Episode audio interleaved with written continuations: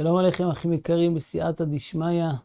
אנחנו הולכים היום אה, לפתוח צוהר של התבוננות לתוך אה, אשנה באהבה, שפועל בתוך עולם הזוגיות של כולנו יום-יום. כאשר אנחנו רוצים לפתוח את האשנב הזה, את הפתח הזה, לתוך התבוננות במושג האהבה, לאור... אה, דברי רבותינו הקדושים ולנסות להעיר ולעורר קצת, כמו שאמר שלמה המלך, להעיר ולעורר את האהבה. וככה אומר לנו שלמה המלך, שבעצם הטבע של האהבה שיש בתוכנו, הוא באמת דבר שמצוי בתוכנו בשלמות. ולכן האשנב שאנחנו מדברים עליו, הפתח, הוא היכולת שלנו להתקשר ולתת למקום של האהבה האמיתית, הפנימית, השורשית, שהיא באה ושוכנת בתוכנו מתוקף היותנו חלק אלוקא ממעל, מתוקף היותנו נשמה קדושה, שבמהותה הכוח הטבעי שזורם ממנה הוא כוח האהבה ללא תנאי. ולכן אומר שלמה המלך, את האהבה הזו שאנחנו מחפשים, אנחנו לא צריכים להמציא אותה, אנחנו לא צריכים לייצר אותה יש מאין, אלא העבודה שלנו, בפרט בתוך הזוגיות, כפי שתכף נסביר, ובכלל בין אדם לחברו, היא לעורר את מקום האהבה הטבעי, הפנימי, האמיתי, שהוא תוקף מהותנו מאז ומעולם היה וגם כך עכשיו. וככה לשונו הקדושה, אם תאירו ותעוררו את האהבה עד שתחפץ. כך אומר לנו החכם באדם בשיר השירים. לא משהו שלא נמצא בתוכך, לא משהו שאתה צריך להמציא מחדש. משהו שנמצא, אבל הוא בחזקת ישן. אבל לא באמת ישן. אני ישנה וליבי ער, אומר שהכוח הזה שבתוכנו, עמוק בתוך הלב של כל אחד מאיתנו ללא יוצא מן הכלל, הוא ער. רק שאני ישן. מה זה אומר אני ישנה וליבי ער? אני, אומר לנו שלמה המלך, זה סוד גדול. כי בעצם אני, זה אותן אותיות של המילה עין. עין זה אחד מהשמות של העולמות העליונים הגבוהים מאוד מאוד בעולם האצילות, שמתאר בעצם את המקום שהוא הדומה ביותר לתוכן הנשמה האלוקית שלנו, זה נקרא עין. והמקום הזה שנקרא עין הוא בעצם מקור, המקור העליון של הנשמות הקדושות שלנו. לכן אמרו חז"ל, דע מאין באת ולאן אתה הולך. זה כביכול שאלה, דע מאין באת ולאן אתה הולך. אמר רבי עקביה בן מהללל, דע מאין באת ולאן אתה הולך. בעומק העניין, כאשר חז"ל שואלים שאלה, הם טומנים בתוך השאלה את התשובה. ולכן בתוך השאלה מצויה התשובה, דע מאין באת. הנקודה הפנימית שממנה אנחנו מגיעים נקראת עין. וכאשר הנשמה הקדושה האלוקית שלנו יורדת אל העולם הזה, היא משתלשלת בסדר המדרגה מעולמות האצילות, ומשם אל הבריאה, משם אל היצירה, משם אל העשייה. בסוף רגלי העשייה, שם נמצא העולם הזה. והנשמה הקדושה יורדת עד לעולם הזה, מראש עולם האצילות. ומתלבשת בתוך גוף גשמי ובתוך נפש בהמית, עם תאוות, עם יצרים, עם דחפים.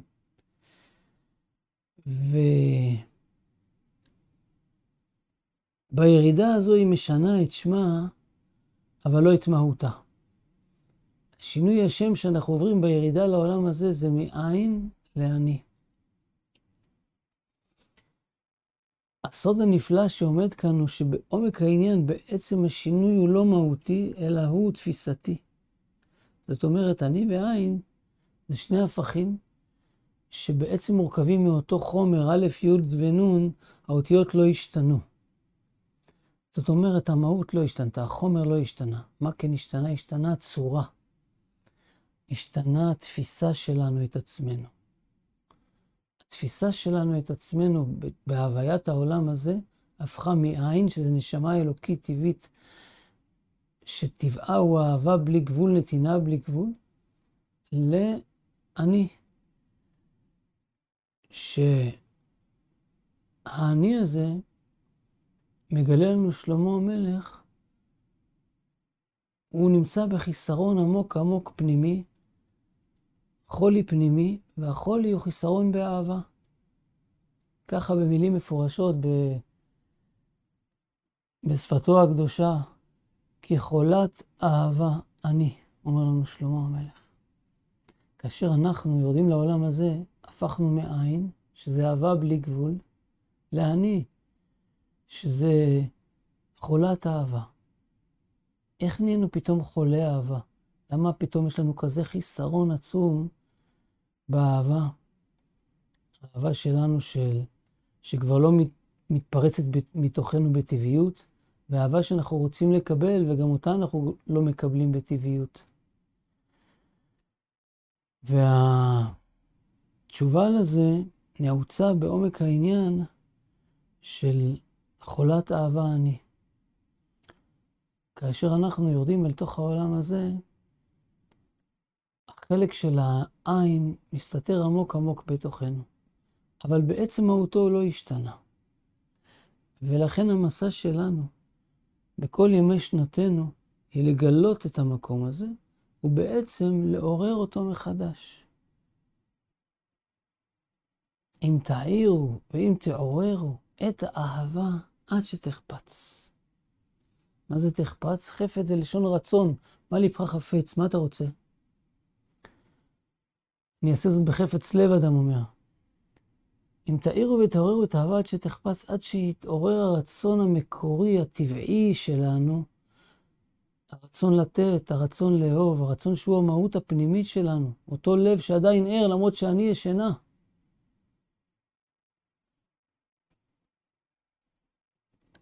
אז המסע שלנו להעיר ולעורר את המקום הזה, להעיר ולעורר את האהבה עד שתחפץ, עד שזה יחזור להיות הרצון הטבעי שלנו, לאהוב ולתת בלי גבול. ועל אהבה כזו אנחנו מדברים כאשר אנחנו רוצים להיכנס רגע ולהתבונן אל תוך המושג של עולם הזוגיות, ועל איזה אהבה בעצם מדובר שאותה אנחנו מבקשים לעורר. והסוד של האהבה הזו אומר לנו,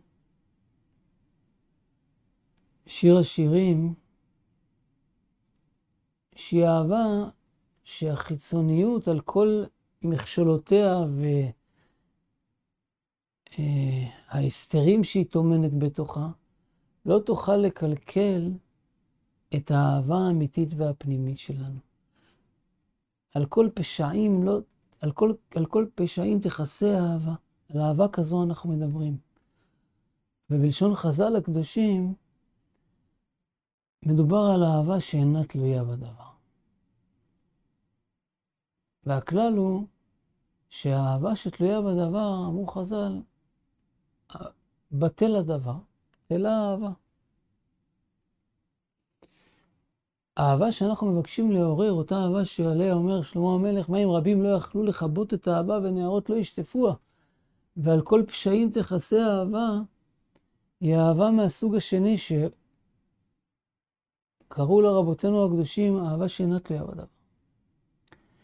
מהי אהבה שאינה תלויה בדבר? אמרו לנו, חז"ל, בטל הדבר, לא בטל האהבה.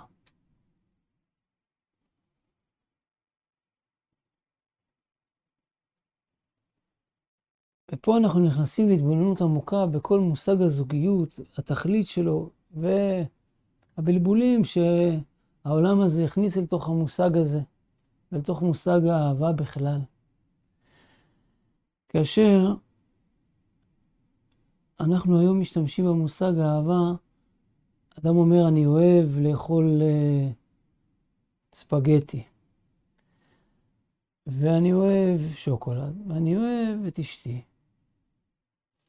והמושג אהבה הלך והתערפל, ועתה המעטה של חולי גדול, של בלבול גדול, סביב ההיעלמות של העין בתוך הקליפה של האני. כאשר האני, כל התנועה שלו היא נובעת מתוך חיסרון, כמו שאמרנו, חולה אהבה, כמו שאנחנו שרים בסעודה שלישית, נפשי חולת אהבתך. אז יורדנו לעולם הזה, העולם הזה זה עולם של, נקרא עולם של שבע ספירות תחתונות. לכן העולם הזה כולו אה, מעגלים של שבע. שבע זה מספר של הטבע.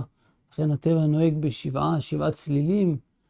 דור מי פה סול לשיא חוזר לדוד, שבעה צבעים בקשת, שבעה ימים בשבוע. שבעה כוכבי לכת, מעגלים של שבע כנגד שבע ספירות תחתונות. וידוע בספרי הקודש שלנו, ספרי הסוד, שכל ספירה מהשבע ספירות התחתונות כוללת בתוכה את כל השבע. זה שהעולם הזה מורכב בסך הכל משבע פעמים שבע, זה כללות הכוחות של בניין העולם הזה, כללות הכוחות ששולטים על התודעה שלנו כשאנחנו יורדים לעולם הזה. המהפך שלנו מאין לאני קורה בירידה לתוך השבע ספירות התחתונות, לתוך העולם הזה.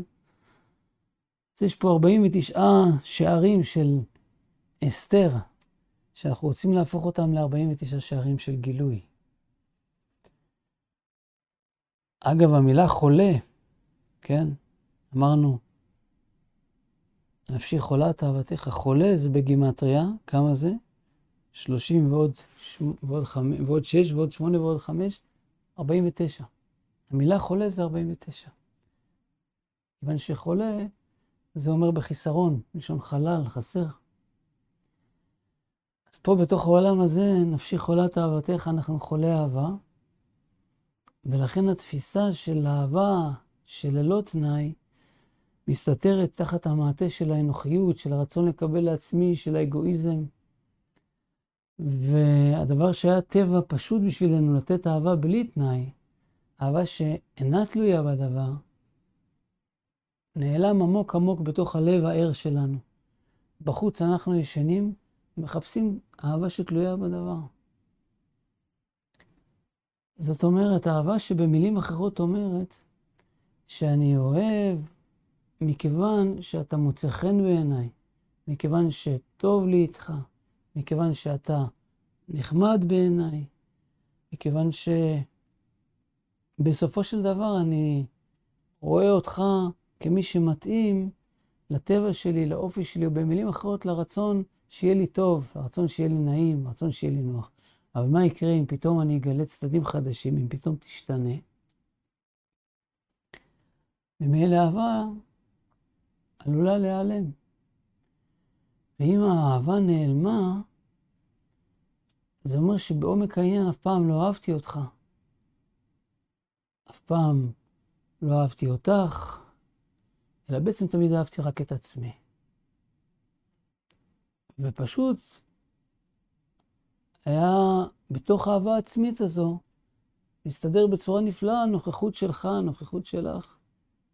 אבל אם זה פתאום לא מסתדר, אם פתאום אני מגלה פה צדדים שהם לא מתאימים, אז אני אומר, טוב, אז אם ככה בטל הדבר, בטלה אהבה, זאת אומרת, זה בעצם נקרא אהבה שתלויה בדבר. כאשר אהבה שתלויה בדבר, אז זה במילים אחרות אומר שאף פעם לא אהבתי אותך. אף פעם לא אהבתי אותך, תמיד אהבתי רק אותי. תמיד אהבתי רק אותי.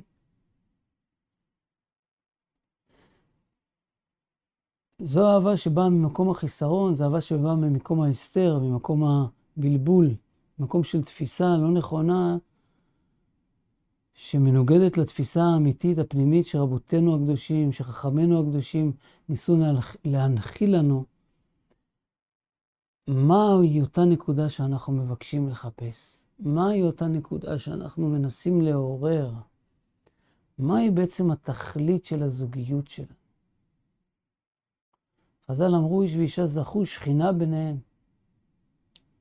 לא זכו אש אוכלם, חס ושלום. ידוע, אישה זה מילה אש עם ה', איש זה מילה אש עם י'. זכו, האש הופכת להיות אש של אהבה, שעל זה אומר שלמה המלך, מים רבים לא יכלו לכבות את האהבה, נהרות לא ישטפו, אז הופך להיות אש של אהבה ששום דבר לא יכול לכבות אותה. ואז היוד של האיש עם האיש של האישה מתחברים, וזה נקרא יודקי, זה אחד משמות השם. שם השם מאוד גבוה, בספירת החוכמה נקרא יודקי. מן המצר קראתי, ק, יודקי. ענני במרחב, ק. זה שם השם במקום מאוד גבוה. ומשם בעצם הזוגיות שלנו מגיעה. החיבור של הנשמות שלנו, מה שלומדים אותנו רבותינו הקדושים, מגיע משם.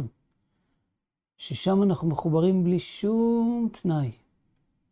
בשורש, בי"ק.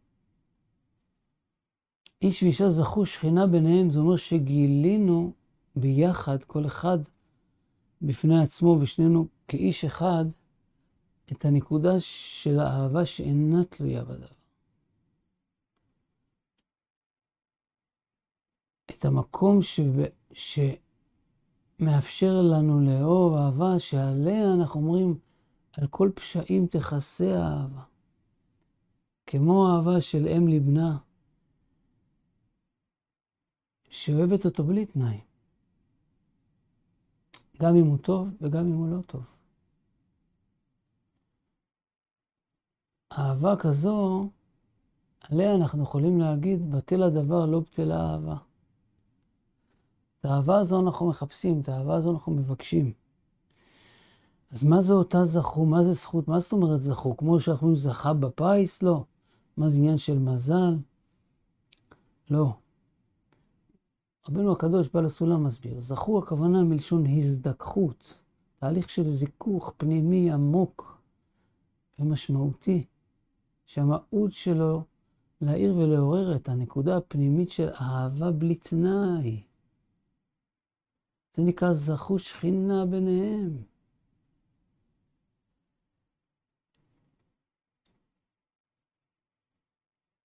וזו התכלית של כל חיינו. ואהבת לרעך כמוך, זה כלל גדול בתורה שכולל את כל התורה כולה. ואמרו בדרך של רמז נפלא, ואהבת לרעך, זה בגימטריה זו אשתך. ואהבת לרעך גימטריה זו אשתך. זאת אומרת, איפה אנחנו באמת מתחילים ליישם את העיקרון של ואהבת לך כמוך? קודם כל, קודם כל, קודם כל, בבית. אם שם הצלחנו, אפשר להתחיל לצאת החוצה, הכלל הוא עניי עירך קודמים. מי שיכול לאהוב בלי תנאי את כל העולם ורק את אשתו לא, אז זה אומר שהאהבה שבחוץ היא כנראה דמיון. כנראה. כל כלל יש יוצא מן הכלל, אבל ככלל זה ודאי נכון.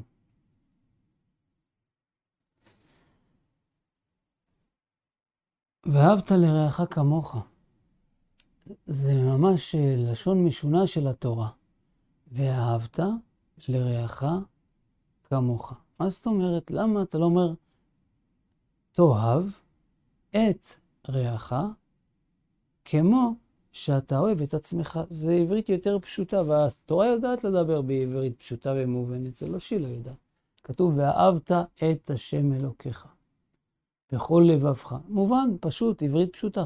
ואהבת את השם אלוקיך בכל לבבך. אז למה פה לא תגיד לי, ואהבת את רעך כמו שאתה אוהב את עצמך? מה זה ואהבת לרעך כמוך? יש בזה הרבה התבוננות. אנחנו נפתח צוהר קטן. קודם כל רעך, למה דווקא רעך? למה לא חברך, ידידך, מוקירך, וכו', הרבה שמות יש לעניין של אהבה וחברות, אבל הרעות, אומר הזוהר הקדוש, זה החברות הכי גבוהה שיש. לכן בברכה של הנישואים אנחנו אומרים את הרעות בסוף, ואבא ואחווה ושלום ורעות.